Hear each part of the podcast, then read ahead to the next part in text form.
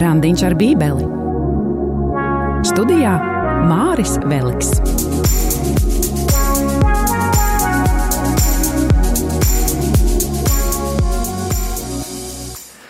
Skatos pa logu un atceros prāta vētras dziesmu Rudens kā rudens, biezie un gājputni laižas uz nīlu.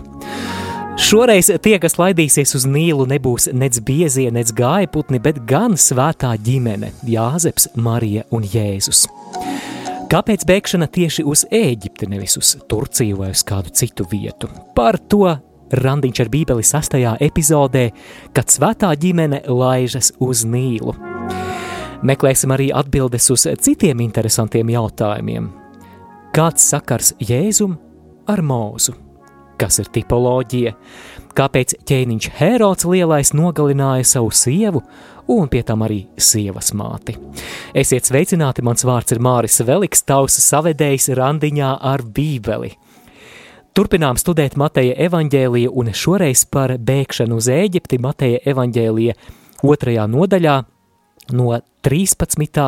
līdz 23. pantam. Tātad Mateja evaņģēlija otrā nodaļa no 13. līdz 23. pantam ir tas fragments, kuru savā bībelē, ja vien tev šobrīd tāda iespēja ir, jau vari uzšķirt, bet pirms tam aicinu tevi uz lūkšanu.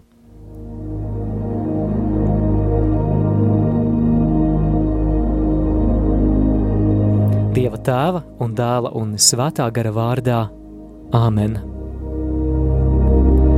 Mīļais debesu Tēvs, Uzsākot šo raidījumu, mēs lūdzam, lai Tava dēla Jēzus Kristus vārdā svētais gars nonāk pār mums, lai svētais gars nonāk pār ikvienu, kas šo raidījumu dzird tiešraidē, un ikvienu, kas klausīsies atkārtojumos vai arhīvā. Kungs, mēs šeit esam sapulcējušies, jo meklējam tevi un gribam labāk saprast tavu vārdu.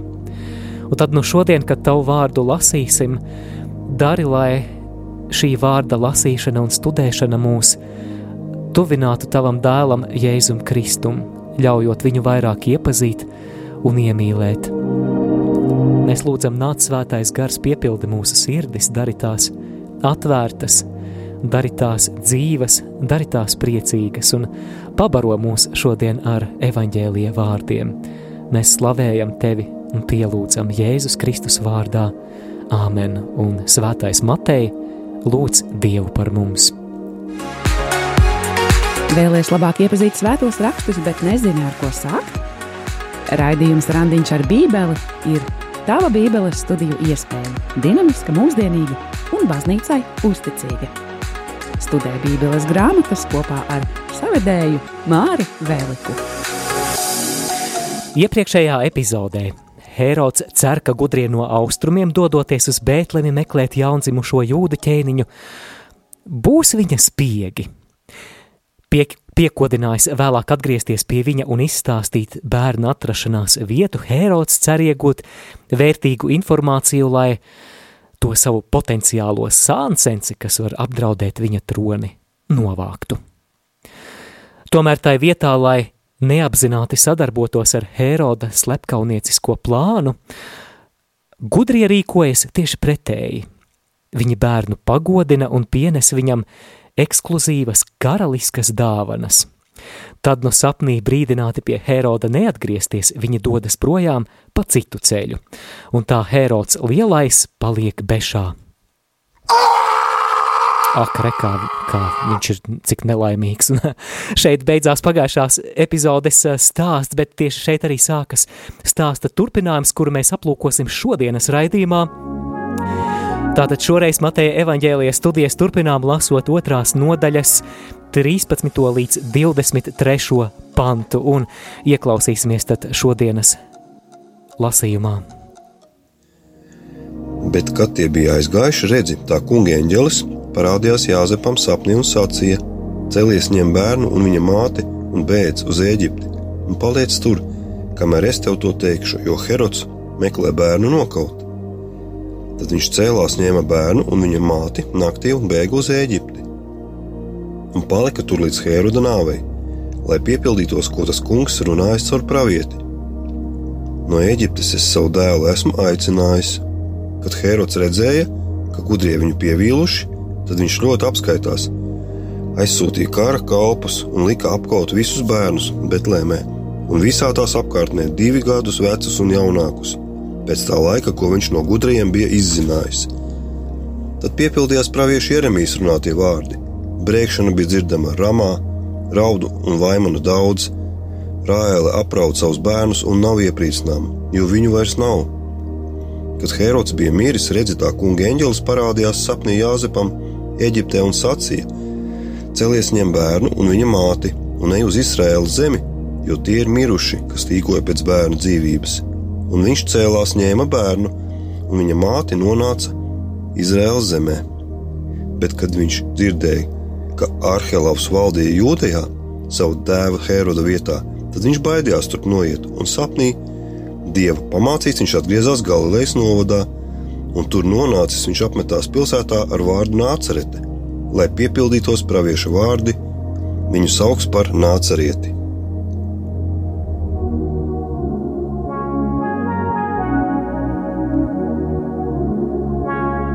Teksta struktūra. Šodienas fragmenta struktūru varam iedalīt trijās daļās. No 13. līdz 15. pantam ir bēgšana uz Eģipti, tad otrā daļa vai otrais fragments no 16. līdz 18. pantam, kas runā par bērnu apkaušanu Bētlemē, un um, trešā daļa būs no 19. līdz 23. pantam atgriešanās no Ēģiptes, bet sāksim ar pirmo daļu – bēgšana uz Ēģipti. 13. pants. Bet, kad tie bija aizgājuši, redzi, tā kunga eņģelis parādījās Jāzepam sapnī un sacīja: Celies ņem bērnu un viņa māti un beidz uz Eģipti, un paliec tur, kamēr es tev to teikšu, jo Herods meklē bērnu nokaut. Pirms divām nedēļām mēs runājām par to, cik svarīgi ir būt atvērtam dieva iedvesmām.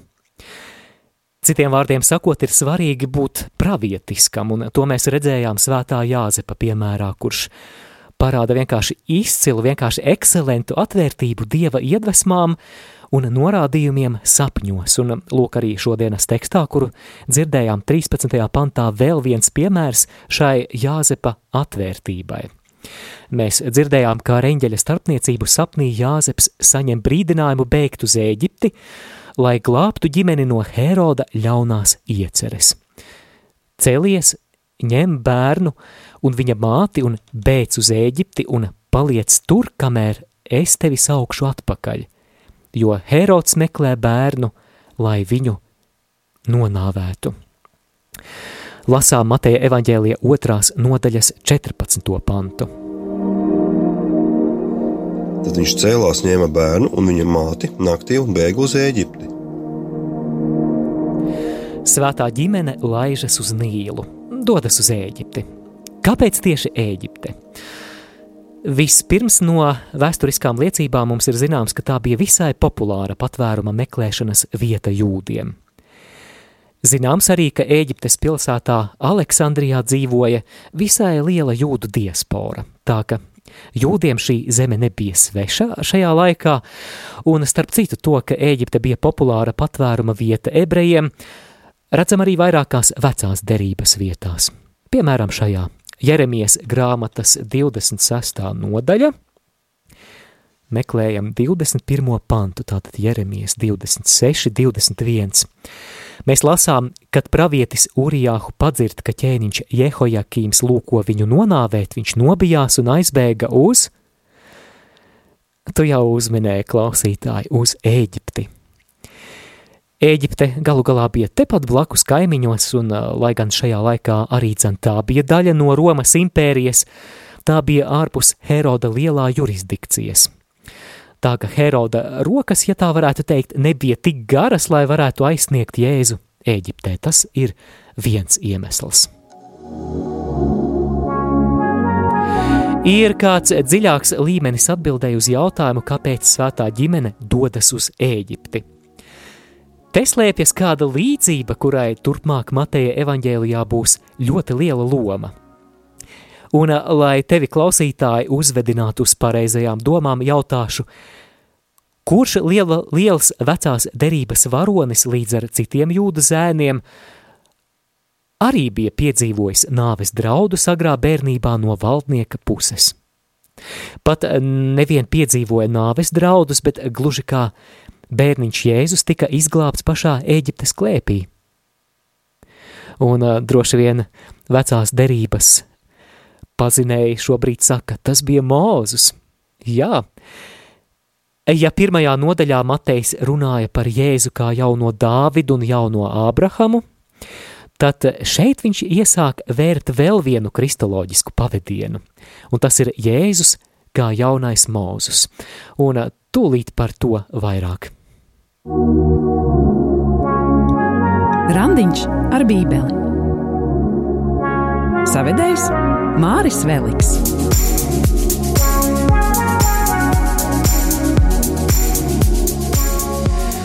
Te, do, te, dārgo klausītāji, mums būs vērts iemācīties kādu gudru svešvārdu. Bībeles skaidrošanas veidu, kad kādos vecās derības bībeles varoņos vai notikumos mēs saskatām modeli kādiem varoņiem vai notikumiem, jaunajā derībā sauc par tipoloģiju.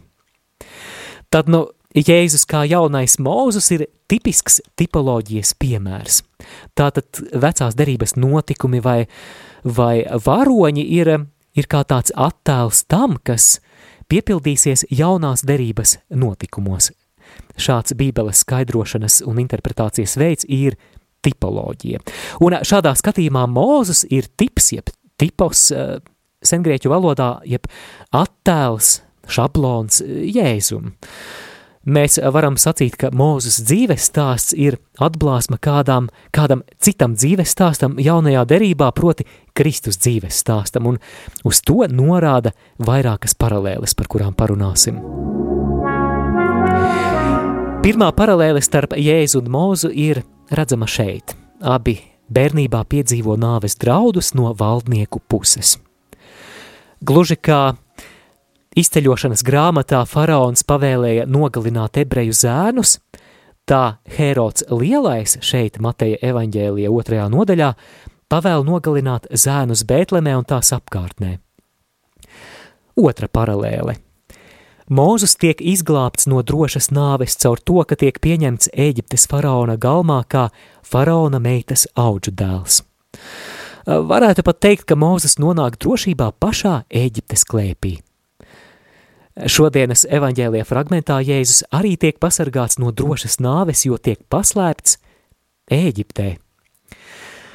Jēzus caur tādu dievišķu iejaukšanos tiek pasargāts no nogalināšanas, lai kā jaunais Mūzes atbrīvotu tautu. Un lūk, šī ir vēl viena paralēle.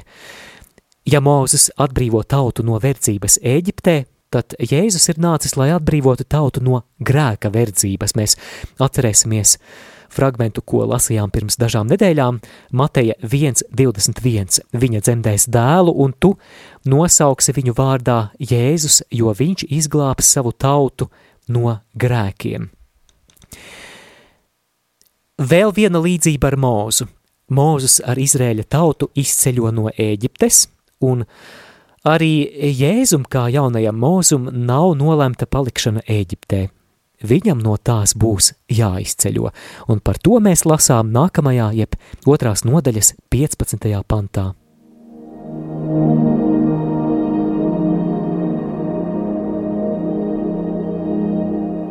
Un palika tur līdz Hēruda nāvei, lai piepildītos, ko tas kungs runājis caur pravieti.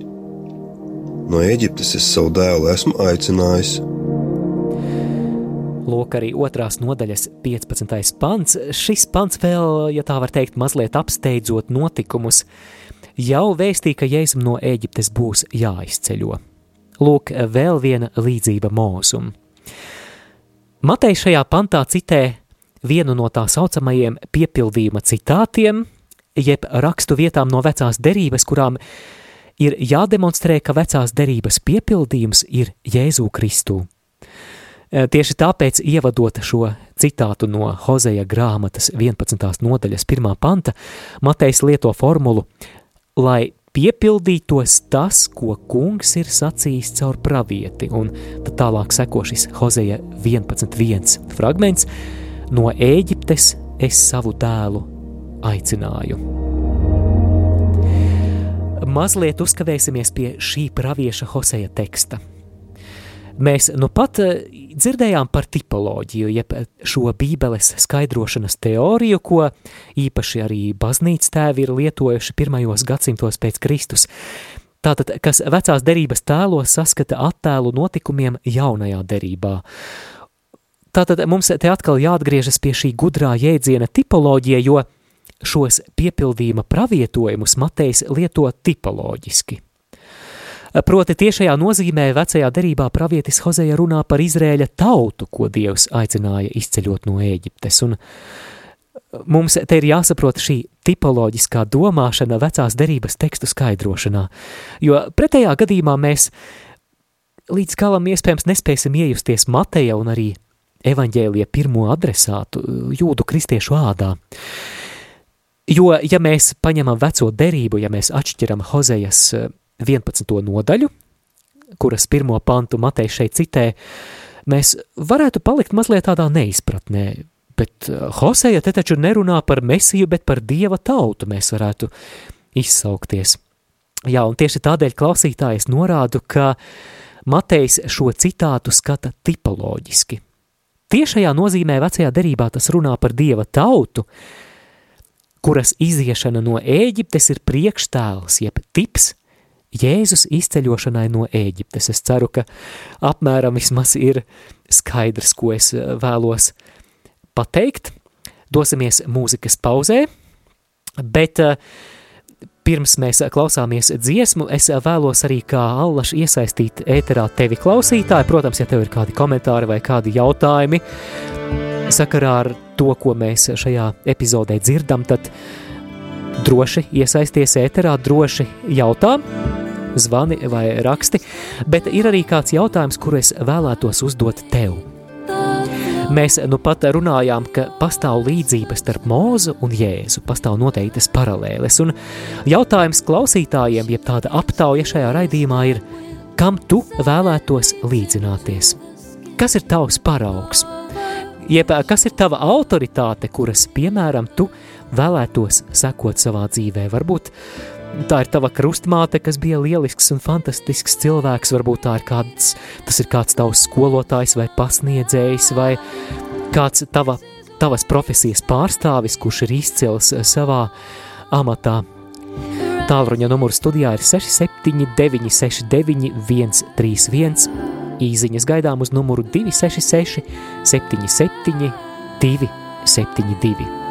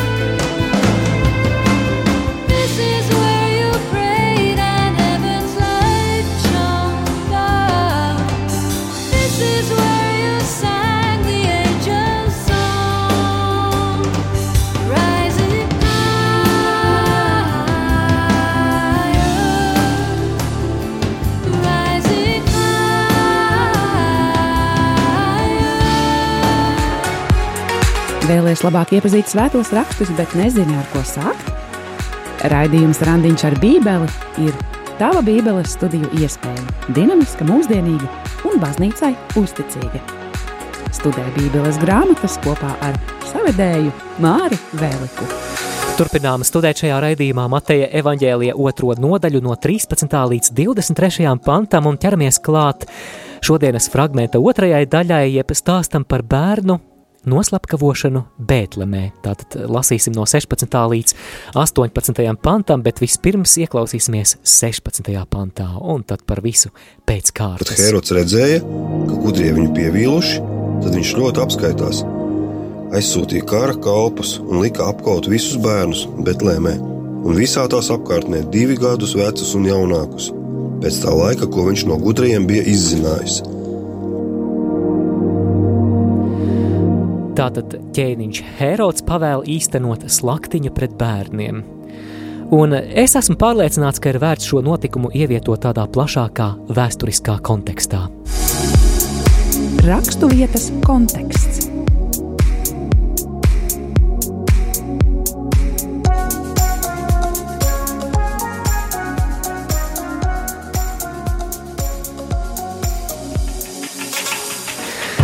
Šeit neliela biogrāfiska vizītkarte par ķēniņu Herodu Lielo, kas mums palīdzēs ieraudzīt, ka slaktiņš pret bērniņiem viņa vētrainajā biogrāfijā visai labi ierakstās. Herods Lielais bija dzimis aristokrātiskā ēdomiešu ģimenē, kura bija konvertējusies jūdaismā, tātad pieņēmusi jūdu ticību, un romieši nozīmēja Herodu pārvaldīt jūdus vispirms Galilejā un tad kā ķēniņu iecēla pār jūdiem arī visās viņu apdzīvotajās teritorijās Palestīnā. Un Herods savu vārdu vēsturē ir ierakstījis arī ar un arī slavu Romas impērijā iemantojas ar tādiem ļoti monumentāliem vērienīgiem būvniecības projektiem. Piemēram, Herods veica vērienīgu Jeruzalemes tempļa rekonstrukciju, un es zinu, dārgie klausītāji, ka Judīte māja ar galvu, viņa nu pat ir studējusi par Herodu Lielo, vai ne, Judīte? es zinu, ka jūs, dārgie klausītāji, daudz no jums esat arī apmeklējuši svēto zemi un iespējams arī bijuši pie tā saucamās rietumu, sienas rietumu mūra, jeb raudu mūra. Ja neesat bijuši, tad vismaz pa televizoru noteikti esat redzējuši, kas tā ir par tādu konstrukciju. Arī tas ir tapis Heroda lielā laikā, tā ir daļa no Heroda lielā laikā būvētā tempļa kalna nocietinājuma. Tātad eh, Herods lielais apjoza šo Jeruzalemes tempļa kalnu ar tādu monumentālu mūri, daļa no kura joprojām ir saglabājusies.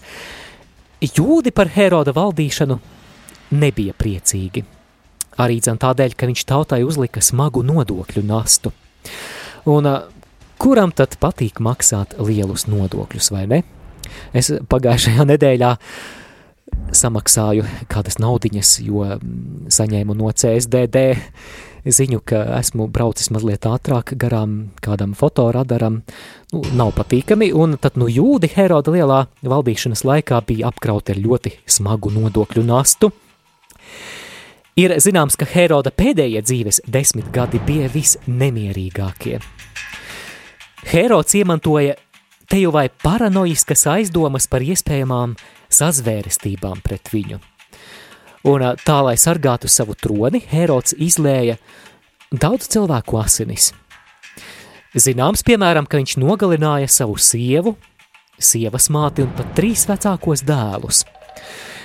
Sešas reizes Herods esot mainījis savas domas par to, kurš pēc viņa tad būšot viņa troņmantinieks. Viņa paranoja par iespējamo sazvērestību paša ģimenē kļuva tik bēdīgi slavena, ka kaimiņos valdošais Sīrijas pārvaldnieks reiz esot teicis, ka viņš labprātāk būtu Heroda cūka nekā Heroda dēls.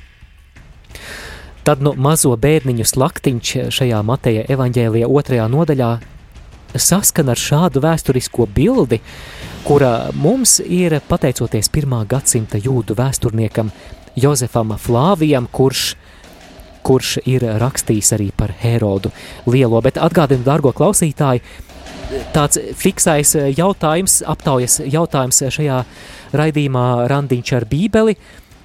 Kam tu vēlētos līdzināties? Vai tev ir kāds paraugs dzīvē, kura, piemēram, tu gribētu sekot? Kas ir tās tavs modelis vai tava autoritāte, kura piemēru kaut kādā ziņā savā dzīvē tu vēlētos īstenot? Iesaisties ēterā, zvanot uz studijas tālruni 67 969 131 vai rakstot īsiņu uz numuru 266 77 272. Izmanto arī e-pasta iespēju Studija at rml.lv. Lasām Mateja evaņģēlīja otrās nodaļas 17. un 18. pantu. Tad piepildījās praviešu Jeremijas runātie vārdi. Brēkšana bija dzirdama ramā, raudu un vaimanu daudz. Rāēle apraud savus bērnus un nav iepriecinām, jo viņu vairs nav. Šeit atrodam trešo piepildījuma pravietojumu. Atcerēsimies, ka pirmais bija par, par jaunavu, kura ieņems un dzemdēs dēlu un nosauks viņu vārdā Emanuēls. Otrais bija pravietojums no pravieša Hozeja grāmatas 11. nodaļas par dēla izceļošanu no Ēģiptes, un nu ir arī trešais piepildījuma pravietojums, ar kuru Matejs demonstrē, ka Jēzus ir vecās derības apsolījumu piepildījums. Un šeit mēs dzirdējām citātu no pravieša Jeremija grāmatas 31. nodaļa 15. pants, ko citē Matejs, un tātad vēlreiz nolasīšu šo citātu, tā ir otrā nodaļa, un 18. pants. Balss dzirdama rāmā, raudas un daudz vaimanu. Rāhele apraut savus bērnus un nealkst mierinājuma, jo viņu vairs nav. Tātad evaņģēlists Matejs šeit šos pravieša Jeremija vārdus lieto kā ilustrāciju šai situācijai, kurā pēc Heroda, saskaņā ar Heroda pavēli tiek nogalināti šie puisēni Bētlemē un tās apkārtnē. Bet, lai labāk saprastu, šeit vēlreiz ir jāatgriežas pie tipoloģijas. Arī šeit Matejs citē šo vecās derības tekstu tipoloģiski, jo oriģinālajā kontekstā Jeremija grāmatas 31. pantā šīs vaimanas, kas atskan rāmā, nav par noslepkavotajiem bērniņiem. Šeit vēsturiskais konteksts ir šāds. 586. gads pirms Kristus ļoti traģiska epizode jūdu vēsturē.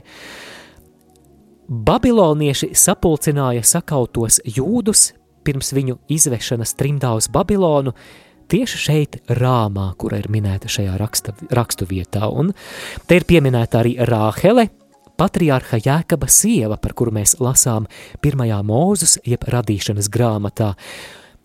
Viņa šajā raksturvietā simbolizē Izraēļa tautas māti, kura raud par savas tautas bērniem, kuri tiek aizvesti. Aizvesti trimdā. Savukārt evaņģēlists Matejs saskata šajā raksturvietā tipoloģisko līmeni, proti rāma, kas ir netālu no Bētlemes, kļūst par raudu un vaimanu vietu nevien jūdu izsūtīšanas dēļ, bet arī tās vardarbības dēļ, ko Heroda lielā laikā šeit piedzīvoja jūdu ģimenes. Dodamies eh, mūzikas pauzē jau dažas īziņas atbildot uz jautājumu, kam jūs vēlētos līdzināties, tātad ko jūs no personām vai paraugiem no autoritātēm vēlētos savā dzīvē ņemt kā paraugu.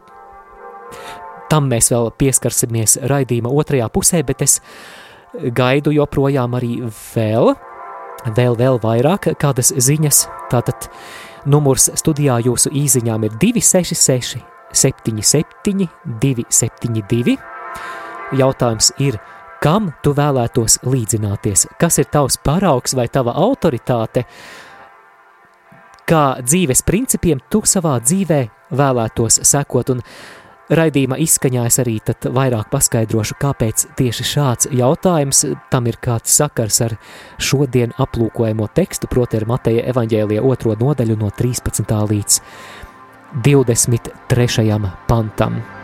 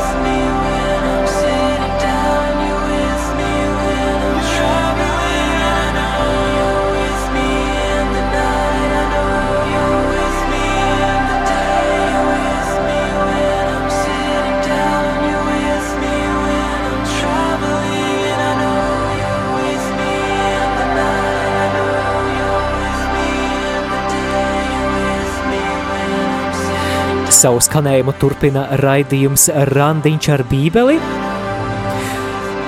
Šajā epizodē mēs studējam Mateja evaņģēlija fragmentu otrajā nodaļā no 13. līdz 23. pantam epizodes nosaukums, kad svētā ģimene laižas uz Nīlu.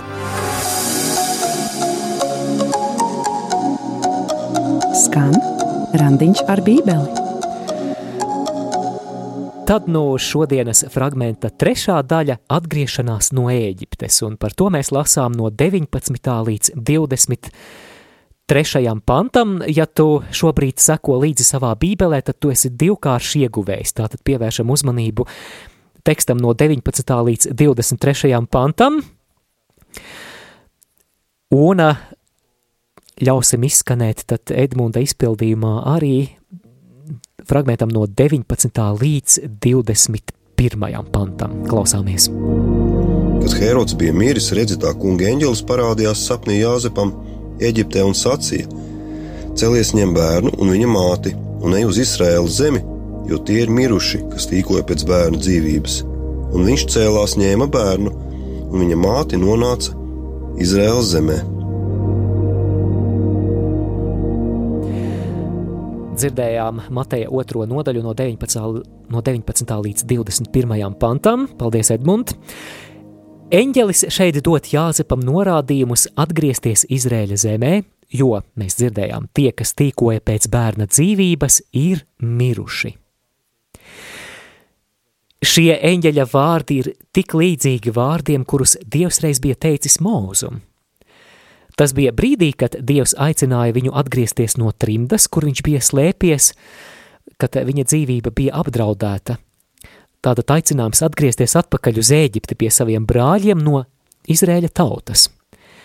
Citēju no izceļošanas grāmatas, jeb otrās mūzes grāmatas, tātad ceturtās nodaļas, 19. pants. Ej atgriezies Ēģiptē, jo visi tie vīri, kuri lūkoja pēc tavas dzīvības, ir miruši. Es ceru, ka tu dzirdi šo līdzību ar eņģeļa vārdiem Jāzepam. Tie, kas tīkoja pēc bērna dzīvības, ir miruši. Un kāpēc tas tā ir? Ko tas nozīmē? Šeit atkal ieskanas šis Mateja motīvs – Jēzus ir jaunais Mūzus.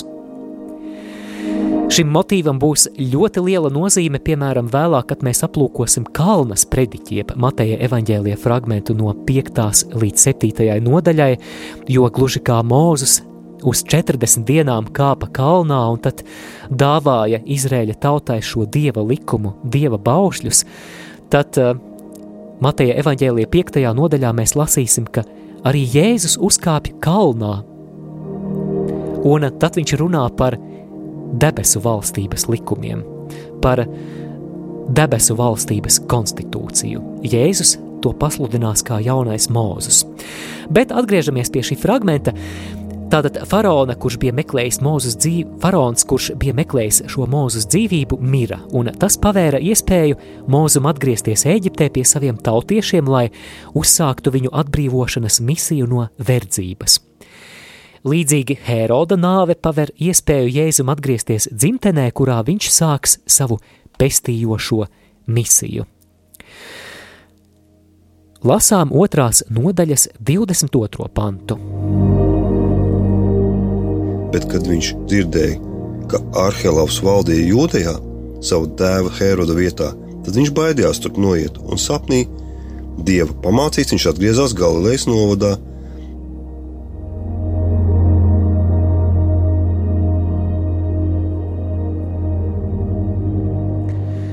Šis, šis bija 22. pants. Mēs dzirdējām, ka izrādās, ka Bēltlemē atgriezties bija bīstami, jo Jūdejā sava tēva Heroda vietā valdīja Arhelais. Pēc Heroda nāves viņa pārvaldītās teritorijas tika sadalītas starp viņa atlikušajiem dēliem, kurus viņš nebija paspējis nogalināt, un Arhelais valdīja Jūdejā, Samarijā un Idomejā, un ir eh, pieejamas vēsturiskas liecības, ka viņa valdīšanas sākums esot bijis vardarbīgs. Arhelais, piemēram, esot vērsis karaspēku pret svēceļniekiem, kuri Paskas svētkos kā allaž bija ieradušies Jeruzalemē un esot pat ar karaspēka palīdzību nogalinājis 3000. Un, jā, tātad šāda demonstrantu vai svēceļnieku izklīdināšana atkal mazliet gribās vilkt paralēles ar to, kas šobrīd notiek Baltkrievijā, mūsu kaimiņu valstī, kur joprojām kāds diktators ir ļoti noraizējies par savu sēdekli. Tādēļ ir skaidrs, kādēļ Jāzeps kā atbildīgs ģimenes galva nevēlējās vest savu ģimeni uz Arheleja pārvaldīto jūdeju. Tādēļ viņi dodas uz Galileju, kas ir uz ziemeļiem no jūdejas, un tātad Galileja neatradās Arheleja kontrolē, un tur varēja būt drošāk. Lasām 23. pantu. Un tur nonācis viņš apmetās pilsētā ar vārdu nācerete – lai piepildītos pravieša vārdi, viņu sauc par nācerieti.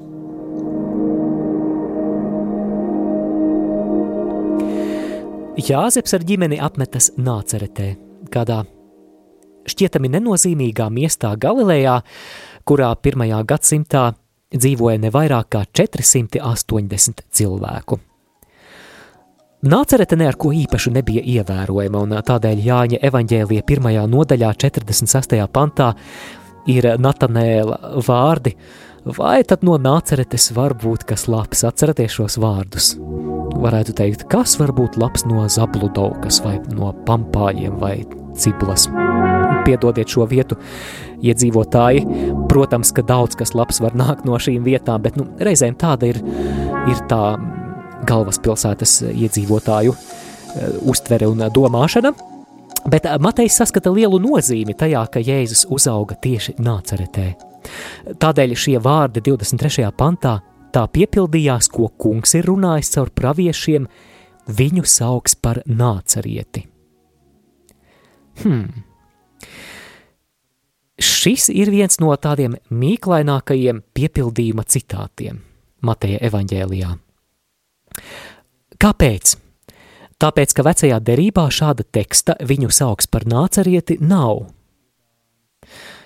Vai Matejs šeit būtu kaut ko pārpratis vai, vai kļūdījies? Nē, tūlīt paskaidrošu. Sarežģīts jautājums. Komentāros esmu atradis ļoti interesantu skaidrojumu.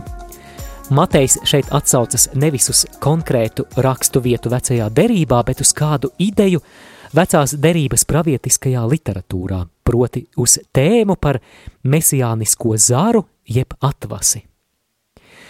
Šeit ir tāda Mateja vārdu spēle. Pastāv līdzība starp vārdu nācerete un ebreju vārdu netser, kas ebrejiski nozīmē zars. Un kāpēc tas ir tik svarīgi? Vairākos vecās derības pravietojumos zars ir simbols mesijam.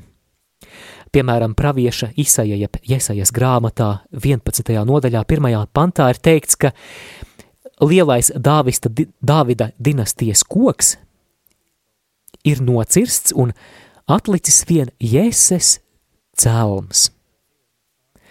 Atcerēsimies, kas bija Jese. Jese bija Dāvida, šīs dinastijas dibinātāja tēvs. Tad no šī nocirstā koka tēls mums atgādina to traģisko babiloniešu iebrukumu Jūdejā 586. gadā pirms Kristus. Dāvida dinastijas ķēniņi tika gāsti no troņa un tauta tika izsūtīta trimdā. Un tā kopš šīs jūdu tautas traģēdijas līdz pat Kristum, tronī neatradās neviens Dāvida dinastijas mantinieks. Tomēr Jesajas pravietojums mudināja uz cerību, ka no Jēzus celma, tātad kaut kas ir nocirsts, ir palicis celms, izaugs zars, jeb atvase. Un tas ir simbols tam, ka karaliskā līnija turpināsies pat trimdas periodā. Svaidīts ar kunga garu šis ķēniņš nodibinās vispasaules valstību, atkal apvienojot izkaisītās pasaules tautas – Savās bībelēs varat arī izlasīt Jesajas 11. nodaļu no 9. līdz 11. pantam.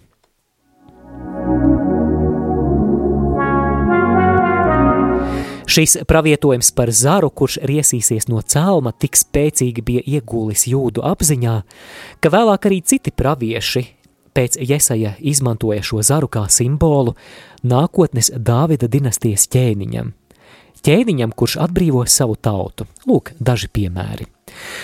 Jeremijas grāmata 23. nodaļa 5. pants. Redzināk dienas, saka kungs, es riesīšu Dāvidam taisnības atvasi, jeb zaru citā tulkojumā, un kā ķēniņš viņš valdīs ar apdomu, un uz zemes darīs tiesu un taisnību. Vai Zaharijas grāmatas 3. nodaļa 8. pants redzi, es likšu nākt savam kalpam, atvasēji. Tātad caur šo vārdu spēli, līdzību starp vārdiem nācerete un necer, zars atvase, Matejs norāda nevis uz konkrētu rakstu vietu, bet uz plašāku pravietisko tradīciju par mesiju, ķēniņu kā zāru atvasi. Matejs parāda, cik atbilstoši ir tas, ka Jēzus, šis mesijāniskais zars, kuru pravietoja Jesaja, uzaug nāceretē, pilsētā, kuras nosaukums tik līdzīgs zāram, jeb atvasēji.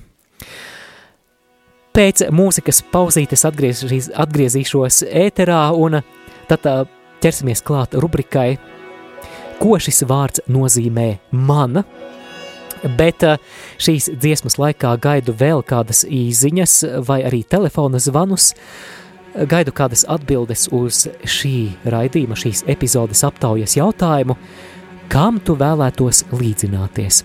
Kurš no cilvēkiem, kurš no autoritātēm ir tāds, kas tevi iedvesmo? Kura paraugu tu vēlētos arī ņemt par piemēru savā dzīvē un kura modeļa, ja tā var teikt, eh, dzīves principus vai mācības tu vēlētos arī atspoguļot savā dzīvē. Tālruņa numurs studijā ir 67, 969, 131.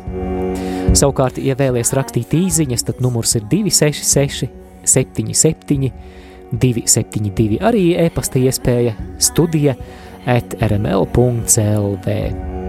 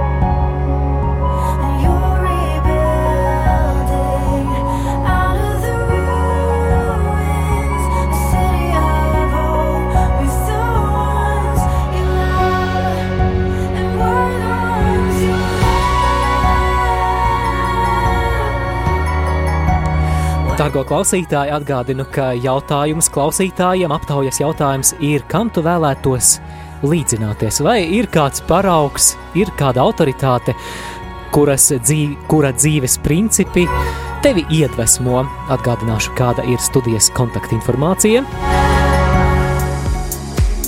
Iesaisties ēterā, zvanot uz studijas tālruni 67 969 131 vai rakstot īsiņu uz numuru 266, 77, 272.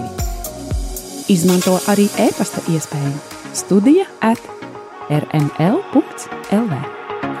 Esam saņēmuši kādu īsiņu, lai slavēts Jēzus Kristus, vai jūs esat redzējuši filmu Korpus Kristi?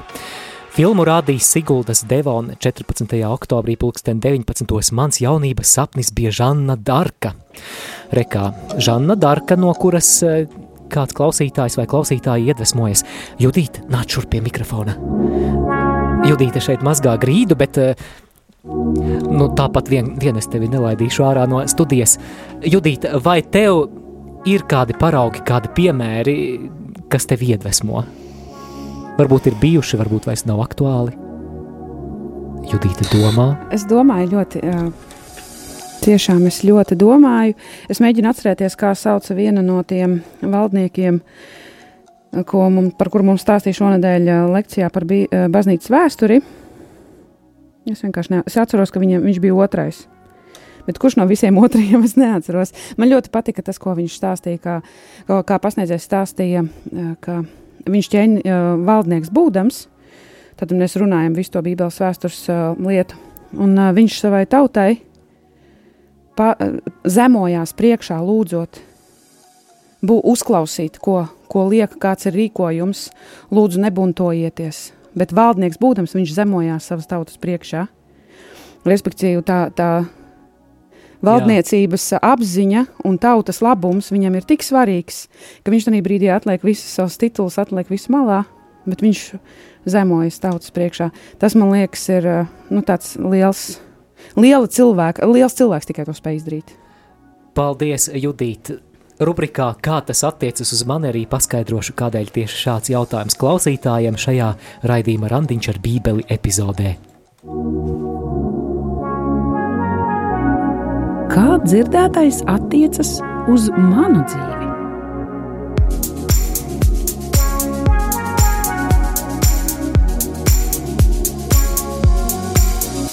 Šajā raidījumā mēs daudz esam minējuši tipoloģiju. Tātad Mozus ir priekštēls, jeb modelis Jēzum. Un vai arī tev ir kāds modelis, vai tev ir autoritātes, kurām tu vēlētos līdzināties? Tā doma, kuru es vēlos uzdāvināt šajā šī, šīs dienas vārda praktiskajā pielietojumā, ir iedvesmojies no labākajiem, jeb izvēlies par savu modeli labākos. Jēzus ir jaunais mūzis, un viņš pavisam citā līmenī īsteno misiju, kura ir līdzīga mūzus misijai. Un arī mēs varam uzdrīkstēties līdzināties kādām labām autoritātēm, izvēlēties modeli savai dzīvei. Tas, protams, nenozīmē tā neveselīgi līdzināties, nu, kā notiek, piemēram, kad kādi fani sāk ģērbties kā viņu roka vai popmūzikas elki un uzvesties kā viņi un kļūst kā tāda karikatūra. Es šeit domāju par tādu pozitīvu iedvesmošanos savas dzīves misijā no tiem, kurus redzam kā labus paraugus. Tātad, vai tev ir labs modelis, kāds paraugs? Mums ir arī zvans.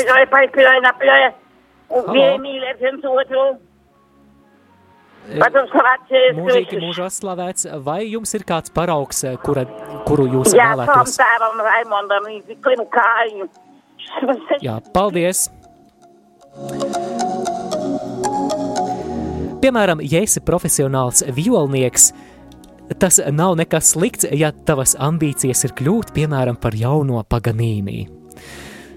Sekošana labiem, veiksmīgiem piemēriem palīdz mums celt mūsu dzīves misijas latiņu, tātad iedvesmojies no labākajiem. Nolasīšu arī kādas klausītāju īsiņas, kuras ir sasniegušas studiju. Ļoti labs raidījums, paldies, raksta Gunta. Vēlos īstenot savu unikālo likteni, ko Dievs paredzējis tieši man. Vēlos būt ieņemto bērnu balss tikpat konsekventi kā māte Terēze un Jānis Pāvils II. Paldies, Gunta, par atbildi. Mums ir zvans studijā, lūdzu. Vai es esmu pieslēgusies Marijai, Radio Marijā? Jā, Radio Marija, jūs esat ēterā. Jā, uh, es, labdien, Mārija, priecājos dzirdēt. Es gribēju dalīties ar cilvēku, kas man, ir mana autoritāte. Jā, lūdzu. Un es domāju, ka ļoti daudz cilvēku Latvijā viņu zina. Un tas uh, bija Austrijas Altenburgas klostera abats Bernhards Nābers. Ā, Nābers, jā, mūžīgu mieru. Jā, jā, mūžīgu mieru viņam.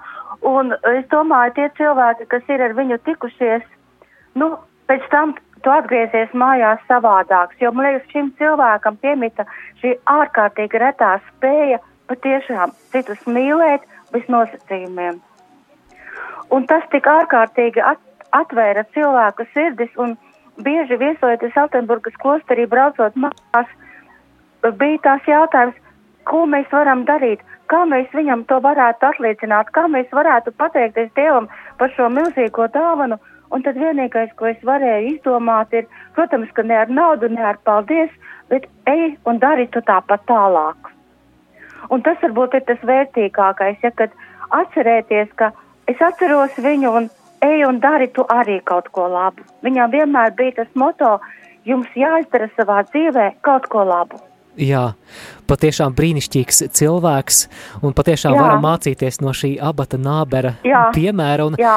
Patiešām abats nābers ir ļoti, ļoti atbalstījis šeit baznīcu Latvijā, un es domāju, ka neviens viena cilvēks varētu arī atsaukties un Tieši teikt tā, neviens abatam, viens cilvēks, jā, ir paldies. kaut kādā pagrieziena punktā ar viņu bijis kopā. Paldies jums par ēdījumu. Paldies jums!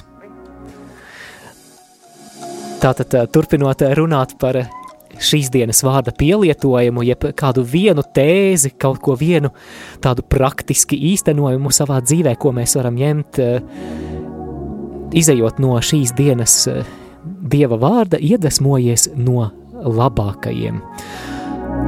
Kāds varētu iebilst, nav veselīgi līdzināties citiem, katrs ir unikāls, protams, ik viens ir unikāls. Tomēr jāatzīst, ja mēs vispār nesakotu piemēriem, mums dzīvē vispār nebūtu atskaites punktu. Un būsim godīgi, ka mēs pat runāt neprastu, ja mēs nesakotu, piemēram, mammas un tēta piemēram. Tātad tai vietā, lai ļautos kādai viltus pazemībai, ka nu, kāds tur no manis kalpotājs vai darbinieks vai ģimenes cilvēks, tai vietā, lai sevi noniecinātu, ir vērts mācīties no autoritātēm iedvesmoties no labākajiem. Un eh, mums katoliskajā baznīcā ir, ir arī skaista svēto godināšanas tradīcija, jo šajos cilvēkos mēs varam smelties iedvesmu sekot Jēzum ar lielāku dedzību. Un tā it nemaz nav lepnība teikt, es gribu būt kā, piemēram, mans mīļākais svētais, kā svētais Francisks vai Jānis Bosko.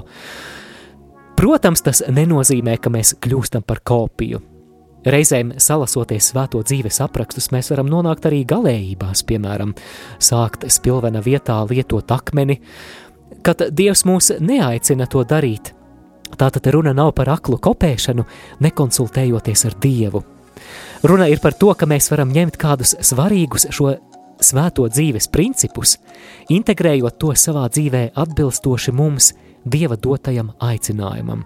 Citiem vārdiem sakot, iedvesmojies no labākajiem.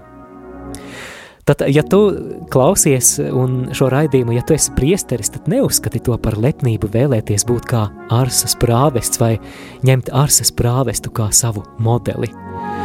Ja esi mājasaimniece, arī tev noteikti ir kāds labs paraugs, no kā iedvesmoties, varbūt tava mamma vai vecmāmiņa. Ja esi katehēts, tad iedvesmojies no tavuprāt izcilākajiem katehētiem – piemēram, no diakona Gunāra.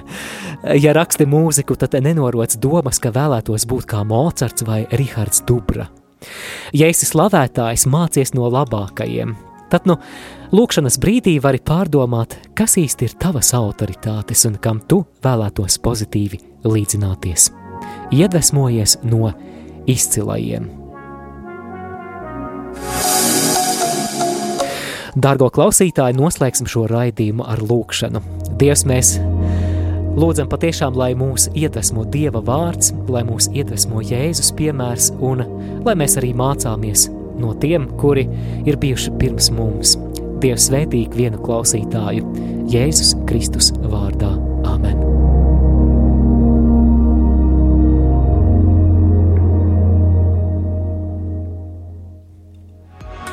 Jūs dzirdējāt raidījumu Randiņš ar Bībeli. Savas atsauksmes, ieteikumus un jautājumus sūtiet uz raidījuma e-pastu Randiņš ar Bībeli at gmail.com. Iepriekšējās raidījuma epizodes var atrast arhīvā.